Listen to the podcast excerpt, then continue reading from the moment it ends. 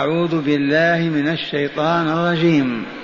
ولا تتمنوا ما فضل الله به بعضكم على بعض.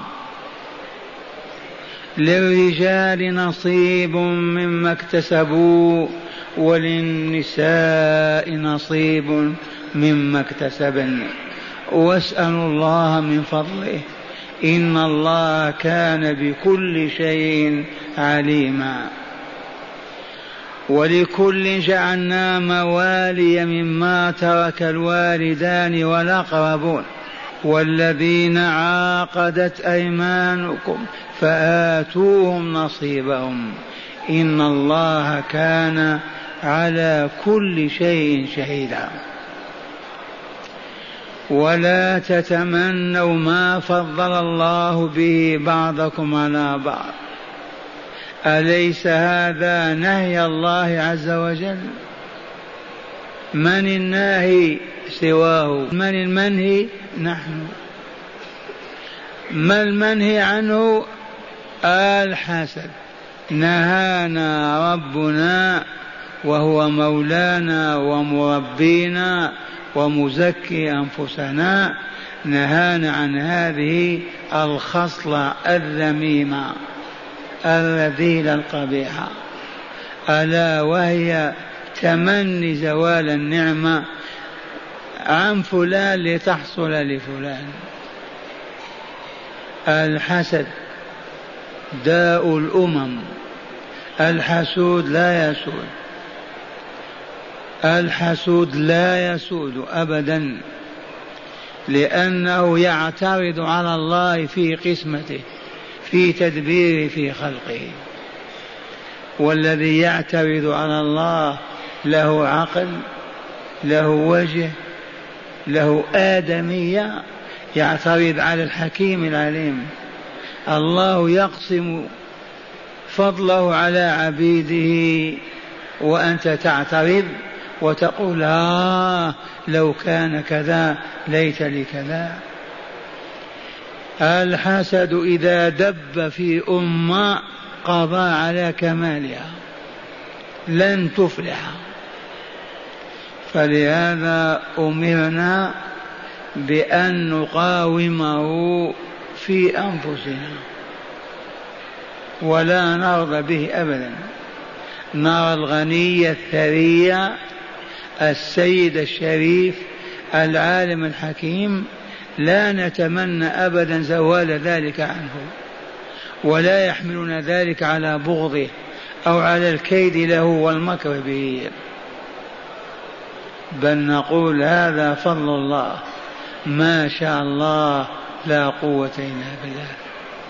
ولا تتمنوا ما فضل الله به بعضكم على بعض.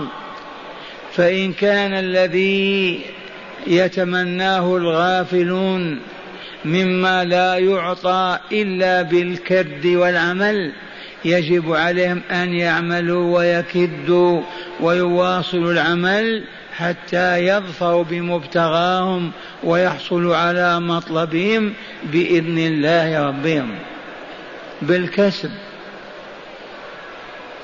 وإن كان لا يكسب بل هو عطية الله فهذا التفكر فيه نقص كبير وعيب ومعرة إذا بدل أن تشتغل بالتمني والتفكر اشتغل بما ينفعك ويرفعك ويزيل همك وكربك. ولا تتمنوا ما فضل الله به بعضكم على بعض. للرجال نصيب مما اكتسبوا. الذي لا يكتسب لا يظفر بشيء. وقال اكتسبوا ولم يقل كسبوا لأن الاكتساب افتعال بالطلب بذل الجهد والطاقة. أما الكسالى والصعاليك في الظلال وفي شوارع الأمة يتحدثون ويريدون ويتمنون ويسألون أن يكونوا أغنياء وسعداء فهذا متنافي مع سنة الله عز وجل. للرجال نصيب مما اكتسبوا بأيديهم وعقولهم وأفكارهم وطاقاتهم. وللنساء أيضا نصيب مما اكتسبنا والله الذي يكسب والله الذي يعطي. إذا فاسألوا الله من فضله. واسألوا الله من فضله. فإذا كان الأمر مرغوبا عندك محبوب لديك اطلبه بالوسائل واسأل الله تعالى أن يوفقك لأقرب طريق وأسهل طريق حتى تظفر بهذا المرغوب وإذا كان المسؤول ما ينال بالطاقة ينال بفضل الله فاسأل الله أن يرزقك الإيمان وصالح الأعمال وأن يواكبك مع المتقين والصالحين. هذه هداية الله. هذا تدبير الله لأوليائه. بهذا طهر ذلك المجتمع الأول وساد وعز وكمل. ولما أعرضنا عن القرآن وأدبرنا عنه ونبذناه وراء ظهورنا وقرأناه على موتانا وحرمنا منه أحياءنا حصل الذي حصل. من هذا الهم والغم والذل والهون والدون والكرب أضف إلى ذلك ما عم البلاد من فسق وفجور وضلال وشرك وباطل. سببه إعراضنا عن هذه الهدايات الإلهية. أية أمة عند هذا الكمال؟ ولا تتمنوا ما فضل الله به بعضكم على بعض لحكم عالية قد لا نتصورها. للرجال نصيب مما اكتسبوا ما هو بالتمني والأحلام. وللنساء أيضا نصيب مما اكتسبن بالعمل ما هو باللسان والتمني. وأخيرا واسألوا الله من فضله. بدل ما تشتغل بالحسد والهم والتفكر في أموال الناس في أعراضهم في حياتهم يسأل الله عز وجل واصل الدعاء.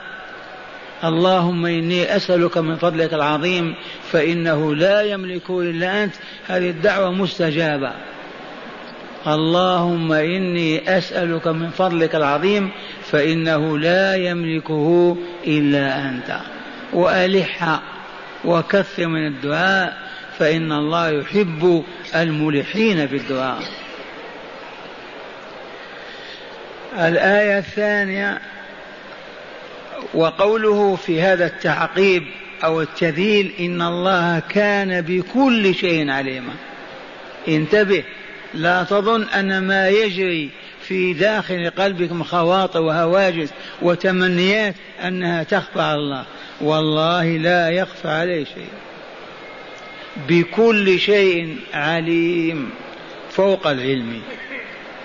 فلهذا اسألوه من فضله وطهر قلوبكم من الحسد والتمني الباطل واللغو ولا وما لا فائدة منه إلا الهم في النفس والكرب فيها.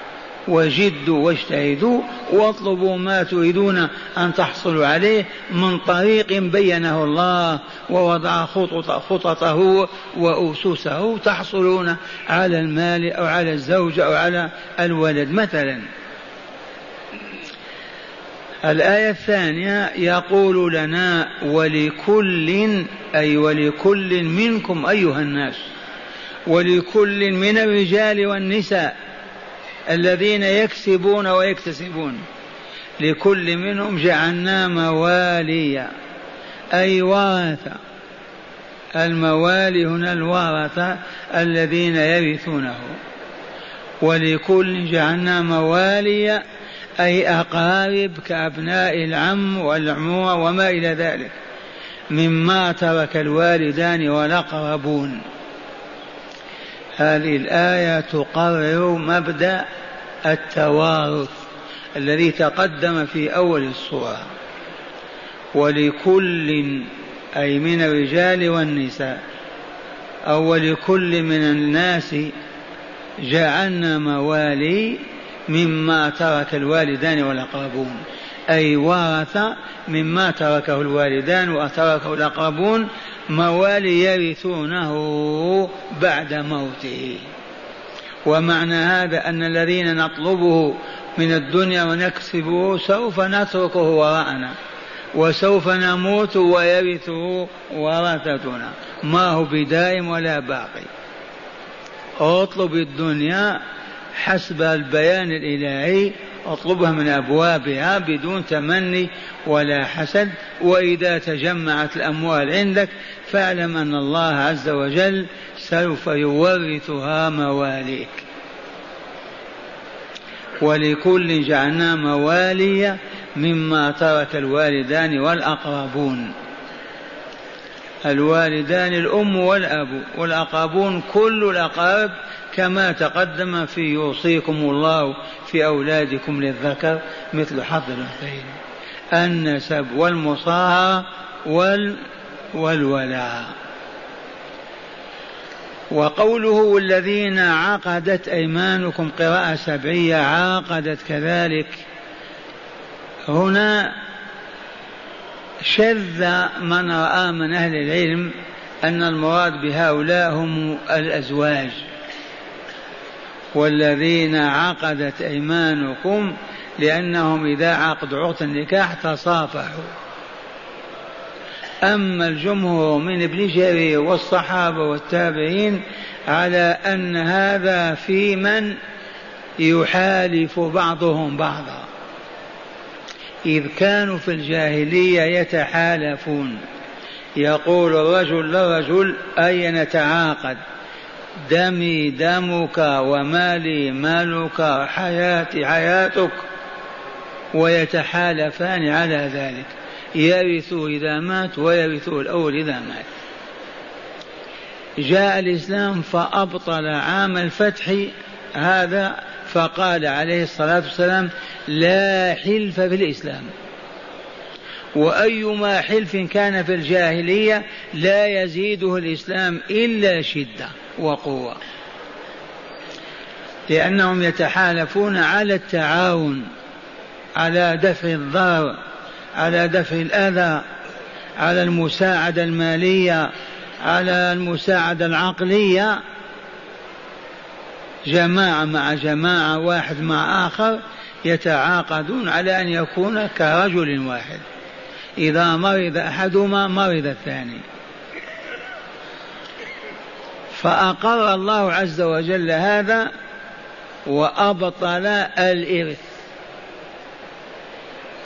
فالتحالف إذا كان قبل الجا قبل الإسلام يبقى في الرفادة والنصرة والوصية والنصيحة. لكن في باب الإرث أبطله الله بقوله وأولو الأرحام بعضهم أولى ببعض في التوارث. أصحاب الأرحام هم الأقرباء من نساء ورجال أولى بالوراثة فيما بينهم. أما المعقود له عهد وحلف فلا حق له في الإرث لكن يوصي له من كان حالفه بوصية دون الثلث لا تزيد على الثلث. ينصره النصرة باقية يساعده متى طلب المساعدة المالية أو العقلية لكن فقط التوارث لم يبق بالحلف والمؤاخاة. والمؤاخاة هذه أحدثها الإسلام بين المهاجرين والأنصار في بداية نزول المهاجرين إلى المدينة. فآخى النبي صلى الله عليه وسلم بين الأنصار والمهاجر. على أن يتوارثا إذا مات أحدهما ورثه الآخر. هذا التوارث بالهجرة ونسخ أيضا. ومن باب أولى أن ينسخ التوارث بالتعاقد والتحالف. فتأملوا ولكل جعلنا موالي أي ورث مما ترك الوالدان والأقربون. والذين عقدت أيمانكم فآتوهم نصيبهم. نصيبهم قال ابن جرير من الرفادة والنصرة والعون لا من الإرث لأن الإرث نسخ, نسخ بآية أخرى في سورة الأحزاب وفي سورة الأنفال. أما إذا قلنا عاقدت إيمانكم بالزواج فالزوجة تقدم أنها ترث الربع وترث الثمن والزوج كذلك فلا حاجة إلى بيان إرثها الآن. فالصواب أن هذا كان فيما تعارف عليه العرب في الجاهلية. لا دولة ولا سلطان ولا ولا يحتاج الإنسان إلى أن يتآخى مع آخر. سواء مزني ولا جهني للقرب للمناسبة للقرية أنت أخي وأنا أخوك. حياتي حياتي وموتي موتك وهكذا. فلما جاء الإسلام وأفاض العدل والأمن والطهر والصفاء ما هناك حاجة إلى التحالف. أليس كذلك؟ وما كان من تحالف الرسول يقول لا يزيد الإسلام إلا شدة وقوة. فقط قضية الإرث أظهر الله أهلها وأبرزهم فلم يبق مجال لمن حالفت أن يرثك إن شئت وصله بدون الثلث وصية. أما أن يرث الإرث انتهى أمره بآية الأحزاب والأنفال. ولكل جعلنا موالي مما ترك الوالدان والأقربون. والذين عاقدت أيمانكم فآتوهم نصيبهم. ما منع عاقدت أيمانكم؟ عقدت أيمانكم. الأيمان جمع يمين بالتحالف يده في يده ويعاهده. فالعقد هذا يتم بالمصافحة ووضع اليمين على اليمين والحلف أيضا. ثم قال تعالى إن الله كان على كل شيء شهيدا. هذه عندما تريدون أن تقسموا التركة أو تخرجوا الوصية اعلموا أن الله معكم.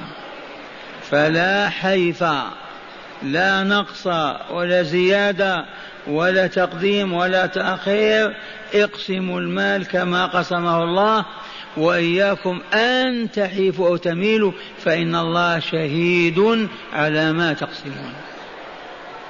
لأن قسمة التركات قسمة المال قد تتطلع النفوس إلى الزيادة إلى النقصان إلى إبعاد فلان إلى إدخال فلان وهكذا. فكان الله العليم الحكيم. يقول لهم إن الله كان وما زال على كل شيء شهيدا. حاضر يرى ويسمع. فإياكم أن تخفوا شيئا أو تعطوا ما لا يستحق العطاء. هذه التوجيهات أسألكم بالله لصالح من؟ لصالح المؤمنين. عبيد الله وأولياءه. هو الذي ينزل هذه الشرائع والأحكام من أجل إكمالنا وإسعادنا. ومع الأسف أعرضنا عن كتابنا. هيا نكرر هذا الشرح بتلاوته في الكتاب.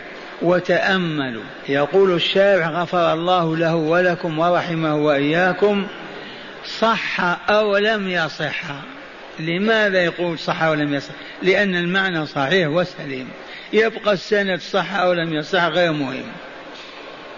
صح أو لم يصح أن أم سلمة رضي الله عنها قالت ليتنا كنا رجالا فجاهدنا وكان لنا مثل أجر الرجال.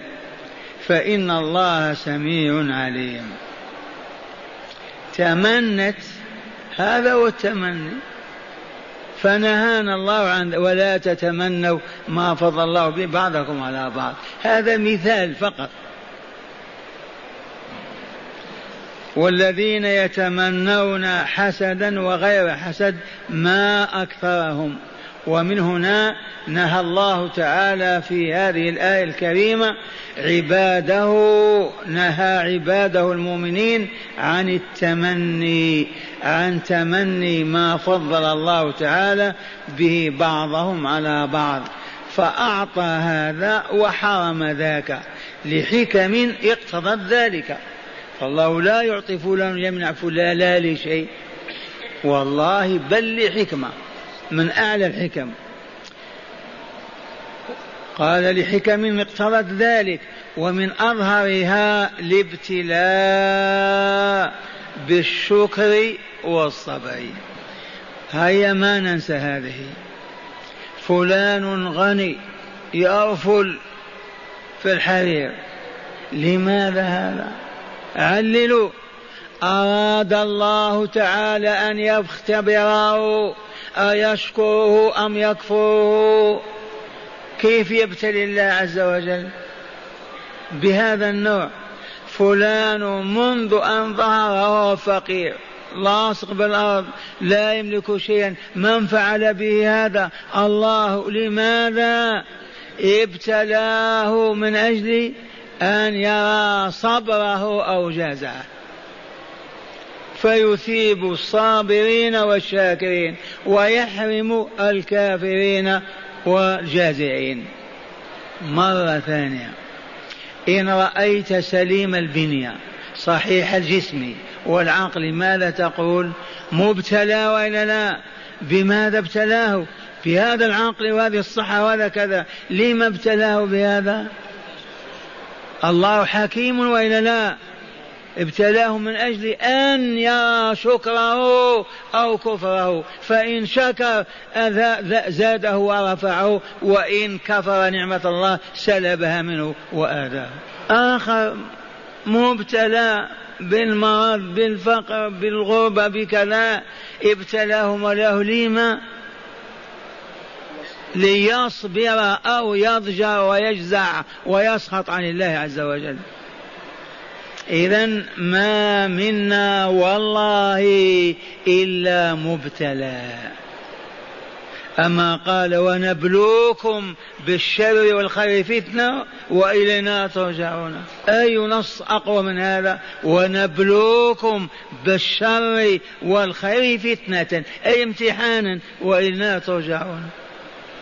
فلم يبق إذا من معنى أبدا للتمني والحسد. أتعترض على الله؟ طبيب يعالج في مريض يعمل الإبرة الدواء أنت تنكر عليه هذا؟ ما تستحي ما هو شأنك. قال ومن أظهر تلك الحكم الابتلاء بالشكر والصبر.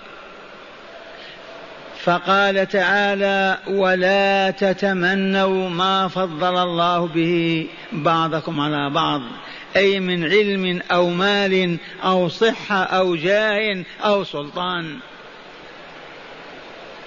تعرفون بعض إخوانكم إن لم نكن منهم يبغضون أهل الفضل ثبات يحسدون إلى حد البغض لا يرضون عنهم أبدا ولا يفرحون بوجودهم. مرض نفسي هذا هو الذي نهى الله عنه. هذا الغني زادها الله من أعطاه؟ أعطاه الله ربي ولا لا؟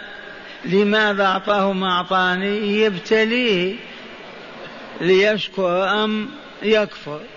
قال بعضكم على بعض وأخبر تعالى أن سنته في الثواب والعقاب الكسب والعمل. فليعمل من أراد الأجر والمثوبه بموجبات ذلك من الإيمان والعمل الصالح. ولا يتمنى ذلك تمنيا. وليكف عن الشرك والمعاصي من خاف العذاب والحرمان ولا يتمنى النجاة تمنيا كما على من أراد المال والجاه فليعمل له بسننه المنوطة به ولا يتمنى فقط فإن التمني كما قيل بضائع النوكا التمني بضائع النوكا البضائع جمع بضاعة سلعة والنوك جمع أنوك أحمق التمني سلعة الحمقى. في شيء ما عنده شيء. التمني بضائع النوكة أي الحمقى. فلذا قال تعالى للرجال نصيب مما اكتسبوا ما قال نصيب ما أعطيناهم مما اكتسبوا وللنساء أيضا نصيب مما اكتسبنا. فرد القضية إلى سنته فيها. أو إلى إلى سنة فيها وهي كسب الإنسان. كقوله تعالى فمن يعمل مثقال ذرة خيرا يراه ومن يعمل مثقال ذرة شرا يراه. ثم بين تعالى سنة أخرى في الحصول على المرغوب. وهي دعاء الله تعالى فقال واسألوا الله من فضله إن الله كان بكل شيء عليما. فمن سأل ربه ألح عليه موقنا بالإجابة أعطاه فيوفقه للإتيان بالأسباب ويصرف عنه الموانع ويعطيه بغير سبب إن شاء وهو على كل شيء قدير. بل ومن الأسباب المشروعة الدعاء والإخلاص فيه. من الأسباب المشروعة للحصول على المطلوب والمرغوب الدعاء مع الرجاء المتواصل والاعتقاد بالاستجابة ومواصلة الدعاء. ما تدعو سنة وتقف أو شهر وتنتهي. قل ما حصلنا على شيء. إن الله يستجيب لأحدكم ما لم ها؟ ما لم يعجل يقول آه دعوت ما استجاب لي. إن الله يستجيب لأحدكم ما لم يعجل. هذه الآية الأولى. درسناها الآن ليلتين أو ثلاثة. قال هذا ما تضمنته الآية الأولى أما الآية الثانية وهي الثالثة والثلاثون فإن الله تعالى يخبر مقررا حكما شرعيا. قد تقدم في السياق في الصورة وهو أن لكل من الرجال والنساء ورثة يرثونه إذا مات. لكل من الرجال والنساء ورثة يرثونه إذا مات. فقال ولكل جعلنا موالي أي أقارب يرثونه إذا مات وذلك من النساء والرجال. أما الذين هم موالي بالحلف أو الإخاء والهجرة فقط أي ليسوا من أولي الأرحام فالواجب إعطاؤهم نصيبهم من النصرة والرفادة وهي العون والمساعدة والوصية لهم بشيء إذا إذ لا حظ لهم في الإرث. لقوله تعالى وأولو الأرحام بعضهم أولى ببعض. هذه الناسخة للتوارث بالهجرة بالمؤاخاة بالحلف قاضت عليها. كان ذلك بالجاهلية كما قدمنا ما في دولة. ما في سلطان ما في أمن الناس يحتاجون إلى بعضهم البعض. هذا يؤاخي هذا هذا يحالف هذا ليحصل له أمن كذا ولا لا؟ لما جاء الإسلام وقامت الدولة في حاجة إلى هذا المؤمنون إخوة وتعاونوا على البر والتقوى ولا تعاونوا على الإثم والعدوان. ما في حاجة إلى حلف أو مؤاخاة. قال ولما كان توزيع المال وقسمته تتشوق له النفوس وقد يقع فيه حيف أو ظلم. أخبر تعالى أنه على كل شيء شهيد. فلا يخفى عليه من أمر الناس شيء ألا فليتقى ولا يعصى. لو أن العبد ما ينسى أن الله معه ينظر إليه على أي حال والله ما يستطيع أن يعصيه فلا يعصي عبد الله ربه إلا إذا غفل. ظن أنه وحده. مع أن الله يقول ما يكون من نجوى ثلاثة إلا هو رابعهم ولا خمسة إلا هو سادسهم. ولا أدنى أي أقل من ذلك أدنى من ثلاثة أو أكثر إلى ما لا حد له. ومعهم أينما كانوا. وليس هذا معنى الحلولية. هذا معنى أن العوالم كلها في قبضة الله. إذا كان يطوي السماوات السبع بيمينه والأرض بكل ما فيها في يمينه أين البعد؟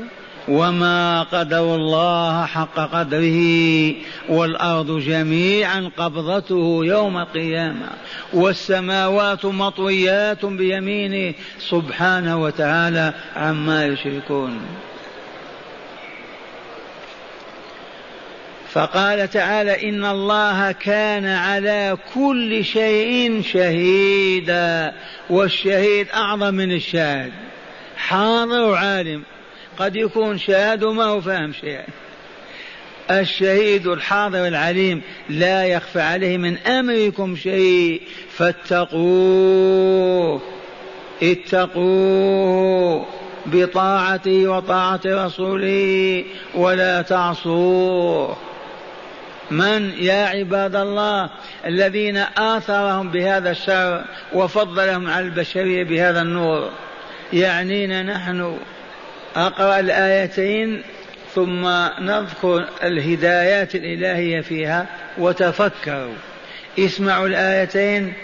قال تعالى ولا تتمنوا ما فضل الله به بعضكم على بعض. للرجال نصيب مما اكتسبوا وللنساء نصيب مما اكتسبن. واسألوا الله من فضله. إن الله كان بكل شيء عليما. ولكل جعلنا موالي مما ترك الوالدان والأقربون والذين عاقدت إيمانكم فآتوهم نصيبهم.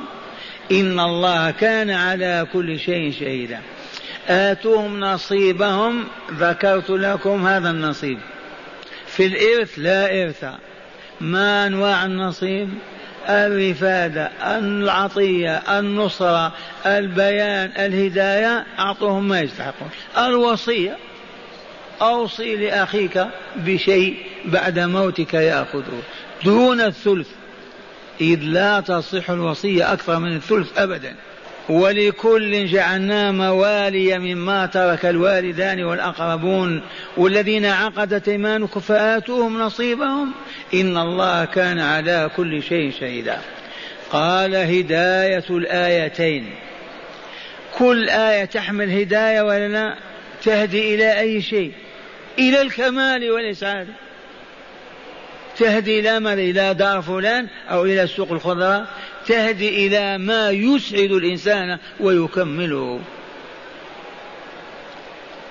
قال من هداية الآيتين أولا قبح التمني وترك العمل. قبيح هذا ولا حسن؟ يترك العمل ويتمنى هذا الإنسان هذا. يجب أن يعمل ويبذل طاقته في الكسب وهو يدعو الله أن أن يعطيه ما يطلبه ويسأله من فضله. أما يقعد عن العمل يتمنى فهذا ما أراده الله لنا حرمه علينا. ولا تتمنوا ما فضل الله به بعضكم على بعض. ثانيا حرمة الحسد. الحسد معروف. وإلا لا. تمني زوال النعمة من فلان. إن كنت تمناها تزول عنه لتحصل لك فهذا حسد قبيح. وأقبح منه أن تتمنى زوال النعمة ولو لم تحصل لك. المهم الا نرى فلانا سعيدا. هذا أقبح أنواع الحسد. وكلاهما حرام من كبائر الذنوب لأنه اعتراض على الله في تدبيره لخلقه. ثالثا فضل الدعاء وأنه من الأسباب التي يحصل بها المراد. أي دعاء هذا؟ دعاء الله عز وجل. ما معنى دعاء الله؟ يا ربي يا ربي يا ربي اغفر لي ذنبي وارحمني. الدعاء النداء. هل يدعو داعي بدون ما ينادي ربه؟ أولا يا رب. اللهم والأفضل أن تناديه ثلاث مرات. ولهذا ورد من قال يا رب يا رب يا رب قيل أسمعت اسأل. وأخرى يا أرحم الراحمين يا أرحم الراحمين يا أرحم الراحمين اسأل يا عبد الله. تعطى. والدعاء هو العبادة. ولا يحرمه يحرمه إلا كافر. قال فضل الدعاء وأنه من الأسباب التي يحصل بها المراد.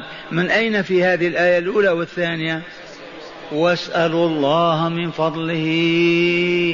إن الله كان بكل شيء عليما. عالم بالمحتاج والفقير والمريض والغني وكل الخلق بين يديه. لو كان ما يدري محنة تدعوه وما يعرف. أو ما يعلم. كيف يعطيك؟ قال رابعا تقرير مبدأ التوارث في الإسلام.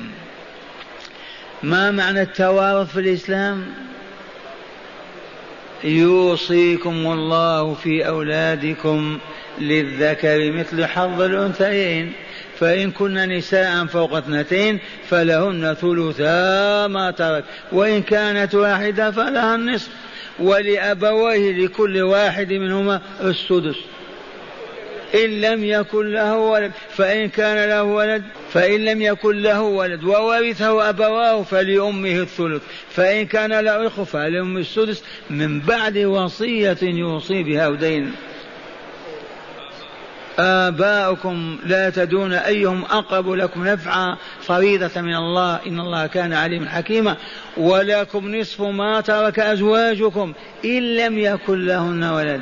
فإن كان لهن ولد فلكم الربع مما تركنا. من بعد وصية يوصين بها ولهن الربع مما تركتم إن لم يكن لكم ولد فإن كان لكم فلهن الثمون مما تركتم من بعد وصية توصون بها ودين وإن كان رجل يورث كلالة أو امرأة وله أخ أو أخت فلكل واحد منهما السدس مما ترك. الآية. هذه الكلالة الكلالة أن يموت المرء ولم يترك أب ولا ولا ابن لا أب ولا جد ولا ابن ولا ابن ابن.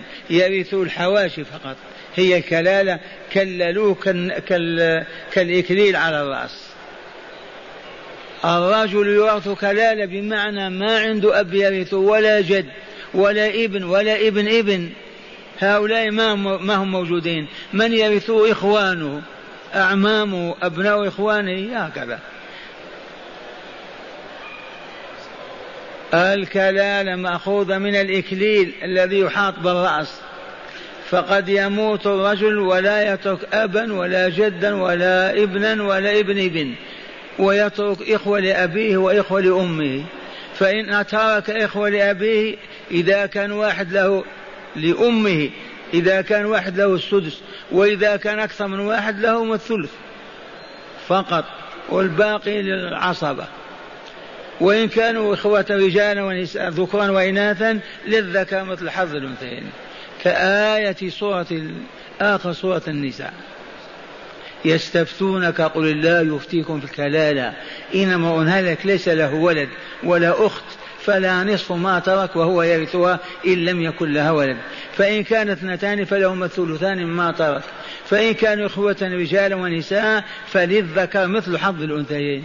يبين الله لكم أن تضلوا والله بكل شيء عليم. ما حضرت أيام دراستها؟ الله غالب. قال رابعا تقرير مبدأ التوارث في الإسلام وإلا.